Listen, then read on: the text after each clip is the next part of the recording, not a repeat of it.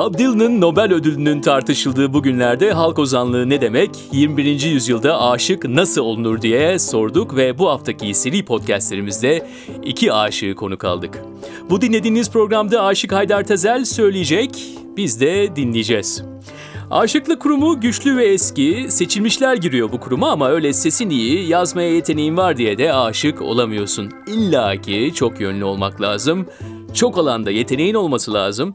Üstadla ilişkileri iyi yönetmek, toplum içerisinde kendini temsil etmeyi bilmek, bir yandan herkes gibi dünyevi işleri hallederken bir yandan da gözünü gönlünü açıp yazıp çizmek, zorluklara rağmen sebat etmek öyle her yiğidin harcı değil.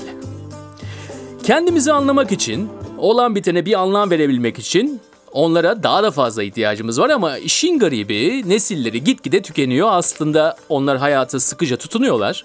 Modern hayattan da besleniyorlar. Hatta dağıtım için YouTube'u kullanıyorlar mesela. Fakat biz onlardan feyz almıyoruz, alamıyoruz. Bizler başka türlü bir yaratıklara dönüştük. İpini koparmış atlar gibi koşturarak yaşıyoruz ancak. Aşık Haydar daha ilkokuldayken bir arşın buğdayı satarak İstanbul'a kaçmış, önce seka fabrikasında güreşerek sonra gece bekçiliği yaparak hayatını idame ettirmiş. Ama aşıklığı hep baki kalmış.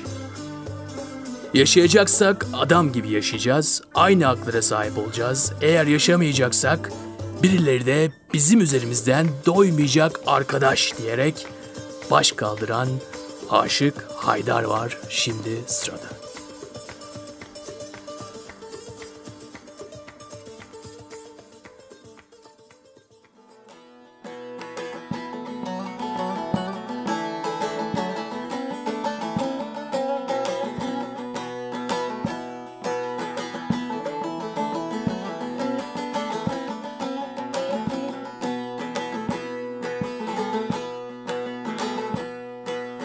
Kervanım yok belde kaldım. Yalan dolayı dilde kaldım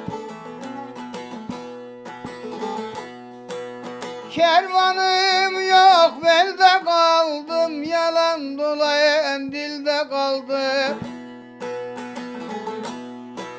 Aşkın deryasına daldım. Hünkar acı Bektaş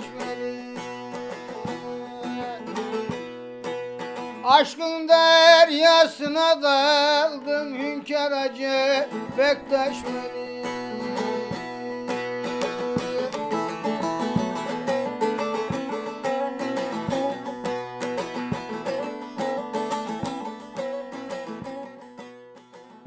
Ben 1959'da Tokat'ın Zile kazasının Pananlı köyünde doğdum. Bizim köylerde alimler, ülemalar çoktu. Büyük insanlar köy odaları vardı. Oralara toplanırlar, sohbet ederlerdi. Böyle sesi güzelleri seçerlerdi.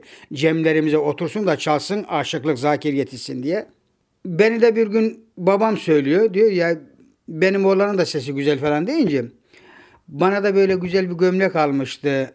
Şehre yakındır bizim köyümüz. Onu da yarım giydim. Beni köy odasına çağırdılar. Daha ikinci sınıftayım. İlkokul ikiye giriyorum. Köy büyükleri dediler yavrum birkaç tane de sen söyle bakayım dediler. Ben de söyledim dediler bunu ayırın. Günden güne günde güne derken bayağı bir zile çevresinde aşıklık yaptık. Bu ilhamı da nasıl aldın dersen şöyle bir ilham aldım ben. O zaman köyde radyolar falan yoktu. Gayseriler şey getirmişti. Radyo. Delta radyolar yeni çıkmıştı. Gayseriler de bizim zileler köylerine satmaya gelmişlerdi. Rahmetli babam bir tane aldı. Tapancer parasını da ödemeye. O radyoyu açınca sabah günaydın programında Şekip Şah'a doğrunu duyunca o zaman şöyle bir güzel bir türkü söylemişti. Karacaoğlan'dan Menekşe. Yaz gelince heveslenir bitersin, güz gelince başın alır gidersin. Dedim yavrum neden boynun eğri tutarsın güzeller içinde birdir menekşe diye. Bu benim yüreğime işleyince şekip bir şekip hayranı oldum. Bir şekip tarzı okumaya, bozlak okumaya başladım.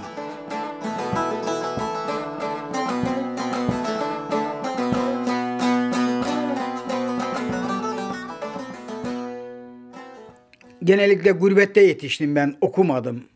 Şöyle okumadım. İlkokul 3'te kaçtım. 1974'te İstanbul'a kaçacağım. Bu anım. Hiçbir unutmam bunu. Nasıl geldiğimi. Eve girdim. Ambarlardan bir ölçek buğdayı çaldım. Götürdüm. Buğday pazarında sattım.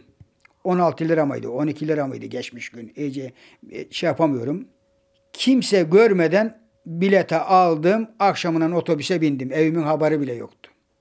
İstanbul'a geldim. Daha İstanbul bu kadar böyle. Nerede modernizm? 74. Ondan çocuğum doğru çalıştırmıyorlar. Bir ay şeyde kaldım. Mecidiye köyde kaldık arkadaşlarla. Ondan sonra İzmit'e taşındık. Orada bir Çorumlu arkadaşlarla tanıştım. Kendileri iş yapıyordu. Sıvacılık yapıyorlardı, boyacılık yapıyorlardı. Onların yanında çalıştım. Onlar da saç çalıyordu Çorumlu. Onlar bana 6 sene sahip çıktılar. Ben memleketime gelmedim ben doğru dürüst. Ana baba yüzü görmedim. Seke fabrikasında da güreşiyordum. Kendim güreşçiydim. 3 senede seke fabrikasında güreştim. O zaman rahmetlik babamın amcam benden umudu kesmişlerdi. Yani kardeşlerim işte abim nerede falan deyince öldü derlermiş yani. Gerçekten de beni kimse bilmiyordu. Köylüm bile görmüyordu beni. Sadece onların yanında nerede olduğum belli değildi. Tesadüfen yolun kenarında iki arkadaşım aynı yaşta olan arkadaşım ben yol kenarında görüyorlar. Babamın amcama haber gönderiyorlar. Diyorlar ki biz Haydar'ı bulduk. Haydar şurada oturuyor. Arkadaşlarımın vasıtasıyla amcamın babam beni bulunca ve götürdüler İstanbul'dan memlekete.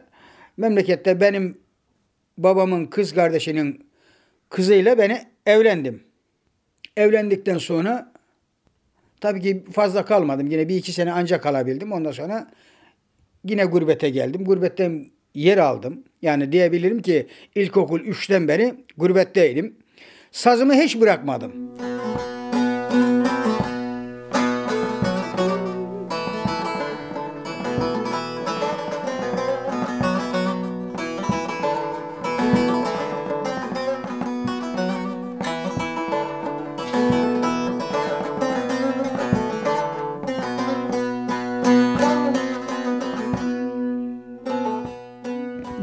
Günümüzde herkes saç çalıyor. Doğru mu? Herkes saç çalıyor. Nasıl? E şimdi herkes birbirinin söylediğini söylüyor. Üretem üretmiyorlar, üretemiyorlar. Devamlı tüketim içerisindeler. Yani aşıklık gelenektir. Kültür geleneğidir aşıklık. Ozanlık da halkın içerisinde yaşayarak, halkın derdini dile getirerek, halkından beraber olarak, halkın yani bütün öncüsüdür halk ozanı. Ne öncüsüdür? Mesela yoksulluğunu dile getirir. Mez, mesela ezildiğini dile getirir halkın. Mesela halkın sesidir halk ozanı. Halk ozanının anlamı bu. Ama aşıklıkta dediğin zaman her saçalan aşık diyemezsiniz. Herkes bir fobidir, çalabilir. Ama aşıklık bir toplum geleneğidir. Aşık olmakta tabii ki bir iki sebep vardır. Bir micazi aşkına yaşarsınız. Micazi aşk demek ne demek yani? Diyelim ki işte gençsiniz. Her ne olursa olsun gönlünüz birini sevdi. O, o micazi aşkına aşık olursunuz. Bir de gerçekleri görerek aşık olursunuz. O da nedir mesela? Çok itikatlı biri olursunuz. Rüyanızda gelir çok sevdiğiniz biri. Mesela benim rüyamda benim bu aşıklığıma sebep olmanın sebebi Şekip Şah'a doğrudur. Köydeydim böyle bir sekül sekü tetlemeç dedik biz. Bilmem siz der misiniz sekü derler hani oturmak için. Öyle oturuyorum. Fakat ben minder falan yok. Benim oturduğum yere yağmur yağmıyor. Binanın içine yağmur yağıyor. Şekip babayı görmedim. Nasıl biri olduğunu da görmüyorum. Sadece sesine aşık oldum. Bir de baktım ki kapıyı açtı. Şemsiye beraber girdi. Dedi ki hele ki ıslanmamışsın. Gel senden dedi bir hesap yapalım matematik. Ben yazdım ve yaptım. O zaman Arapça bilmiyorum. Daha başka bir şey de bilmiyorum. Ne kadar kafam güçlüyse onu sabahleyin o dediğim değerli ozanımız vardı köylümüzden. Durmuş Çelebi derlerdi. Çok böyle bilgiliydi. Arapçası da vardı. Sabahleyin gittim. Balkonda böyle bakıyordu. Dedim Durmuş abi böyle böyle bir rüya gördüm. Hayırdır dedi. Dedim Şekip babayı gördüm. Benden dedi eski yazı hesabı yaptık. Şu şekil söyledi ben de şu şekil yaptım. Ya dedi sus söyleme dedi ya. Bak doğru yapmışsın. Eski yazıyı bilmediğin halde de doğru dedim. Fakat Şekip baba da bana dedi ki oradan kalabalıklaştık bir anda.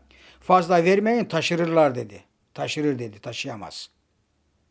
Yani Şekip babanın ben oradan bir bade aldım. 30 35-40 sene aşıklık yaptık.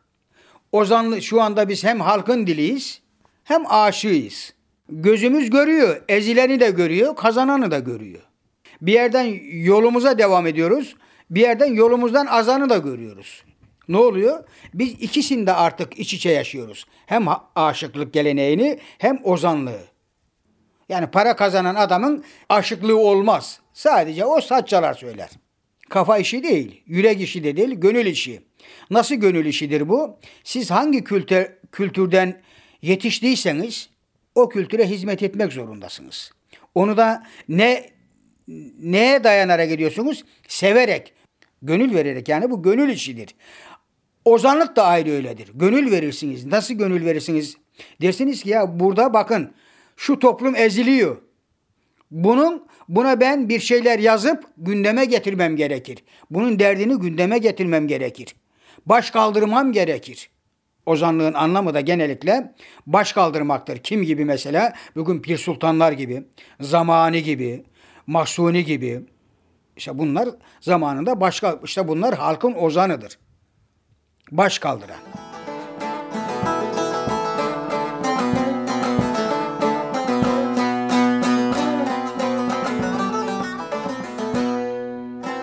Beraber olduğumuz zaman ilk önce aşıklığımızı bırakıp Türkiye Cumhuriyeti'nin gündemini konuşuyoruz.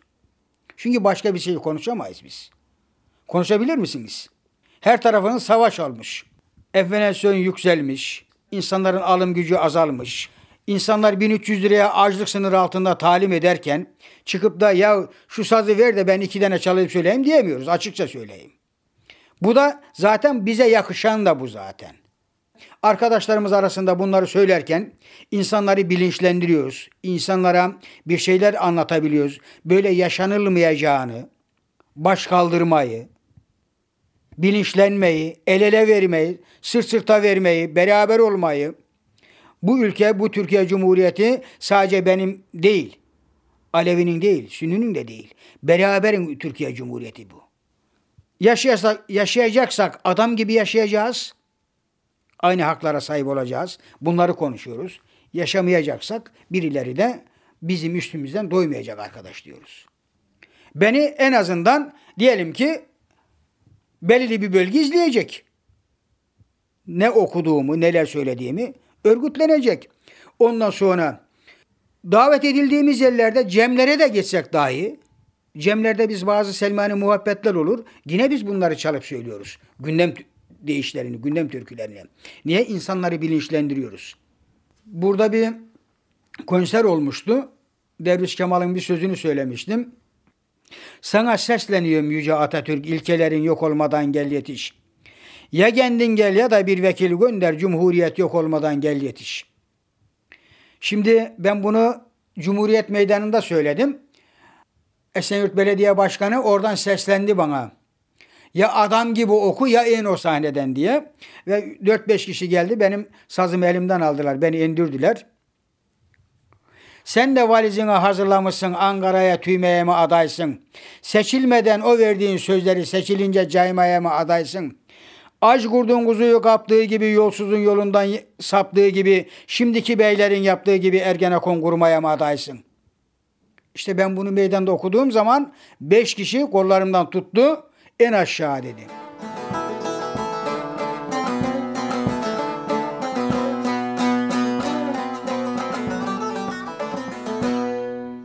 Metrobüste geliyordum. Yanıma bir bayan oturdu. Böyle arkadaş olunca o anda böyle bir içimde bir böyle bir sevgin aşk geldim. O, mesela onu yazdım.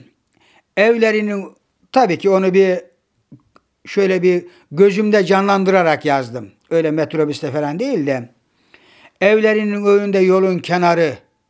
Kız gördün mü benim gibi yananı.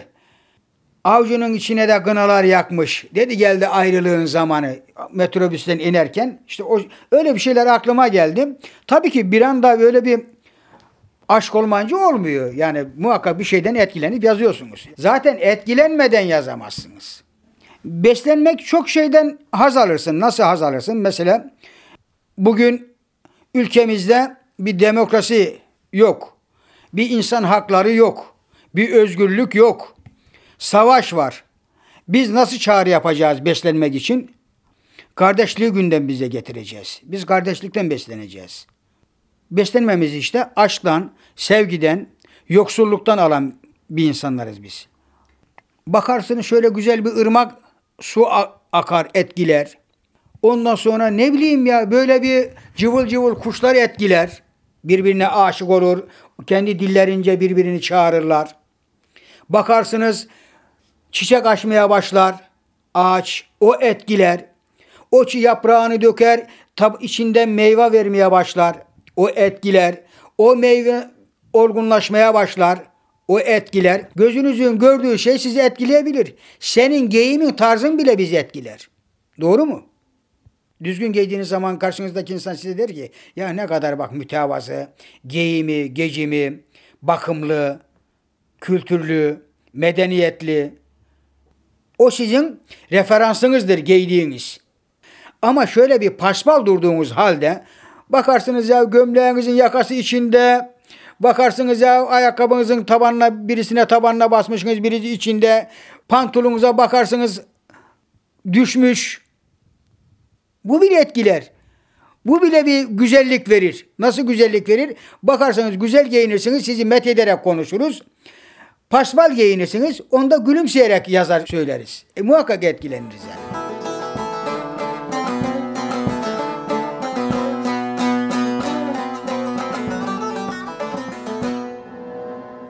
Güvenlikte çalışıyorum gece. Geldiğim zaman uykumu alırım abi böyle.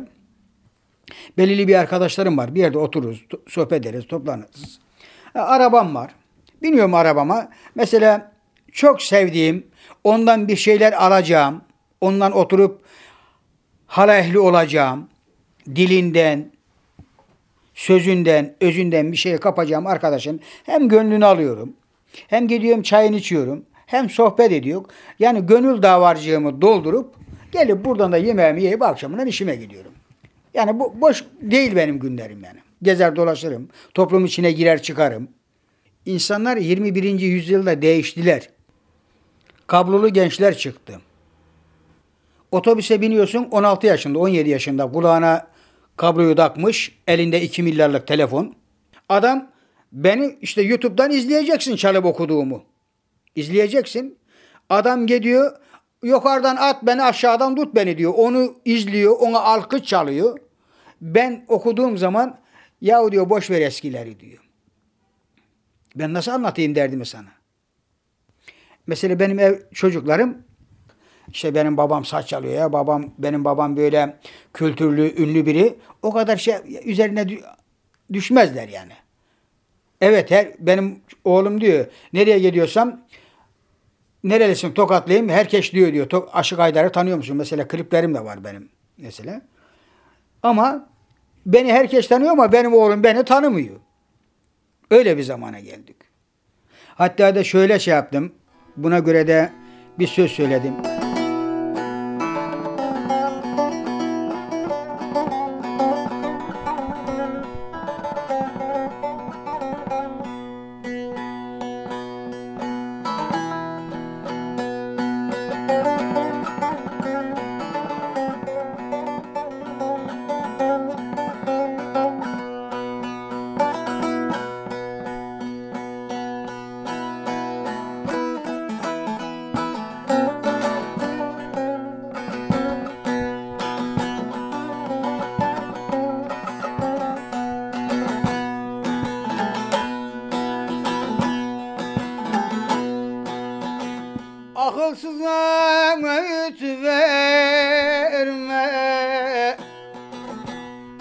Almaz dedi babam bana.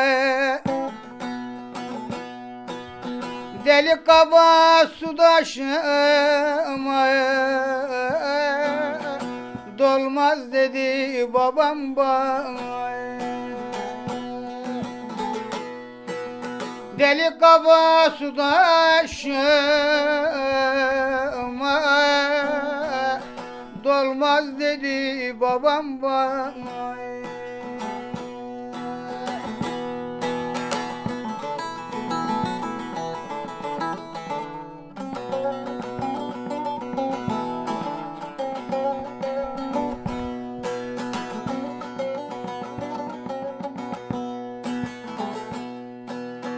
Ne dilersen haktan dile Çok çeksen de bin bir çile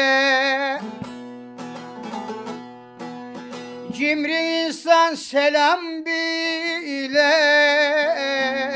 Almaz dedi babam bana. Almaz dedi babam bana. Cimri insan selam bile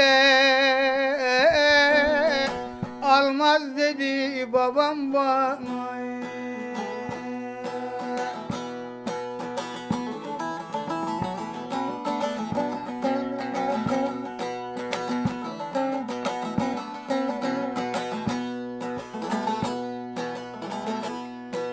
Hırsım akraba yakını Karan etme yüz akını Gerçek mümin kul hakkını Almaz dedi babam bana. Gerçek insan kul hakkını Almaz dedi babam bana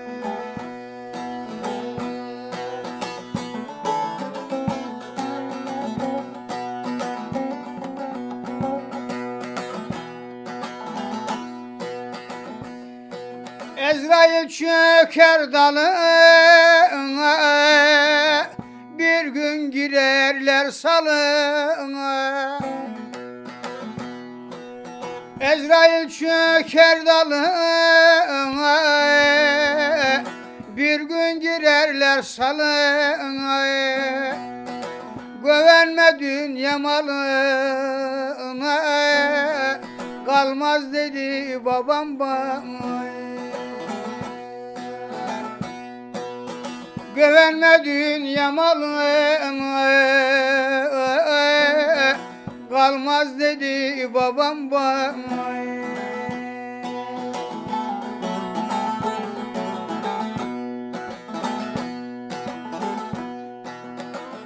Aşık Aydar bu son durayak Can cananan olmaz ırayak Aşık Aydar bu son durayak Can cananan olmaz ırayak İnsanı sev eser bırak Ölmez dedi babam bana İnsanı sev eser bırak Ölmez dedi babam bana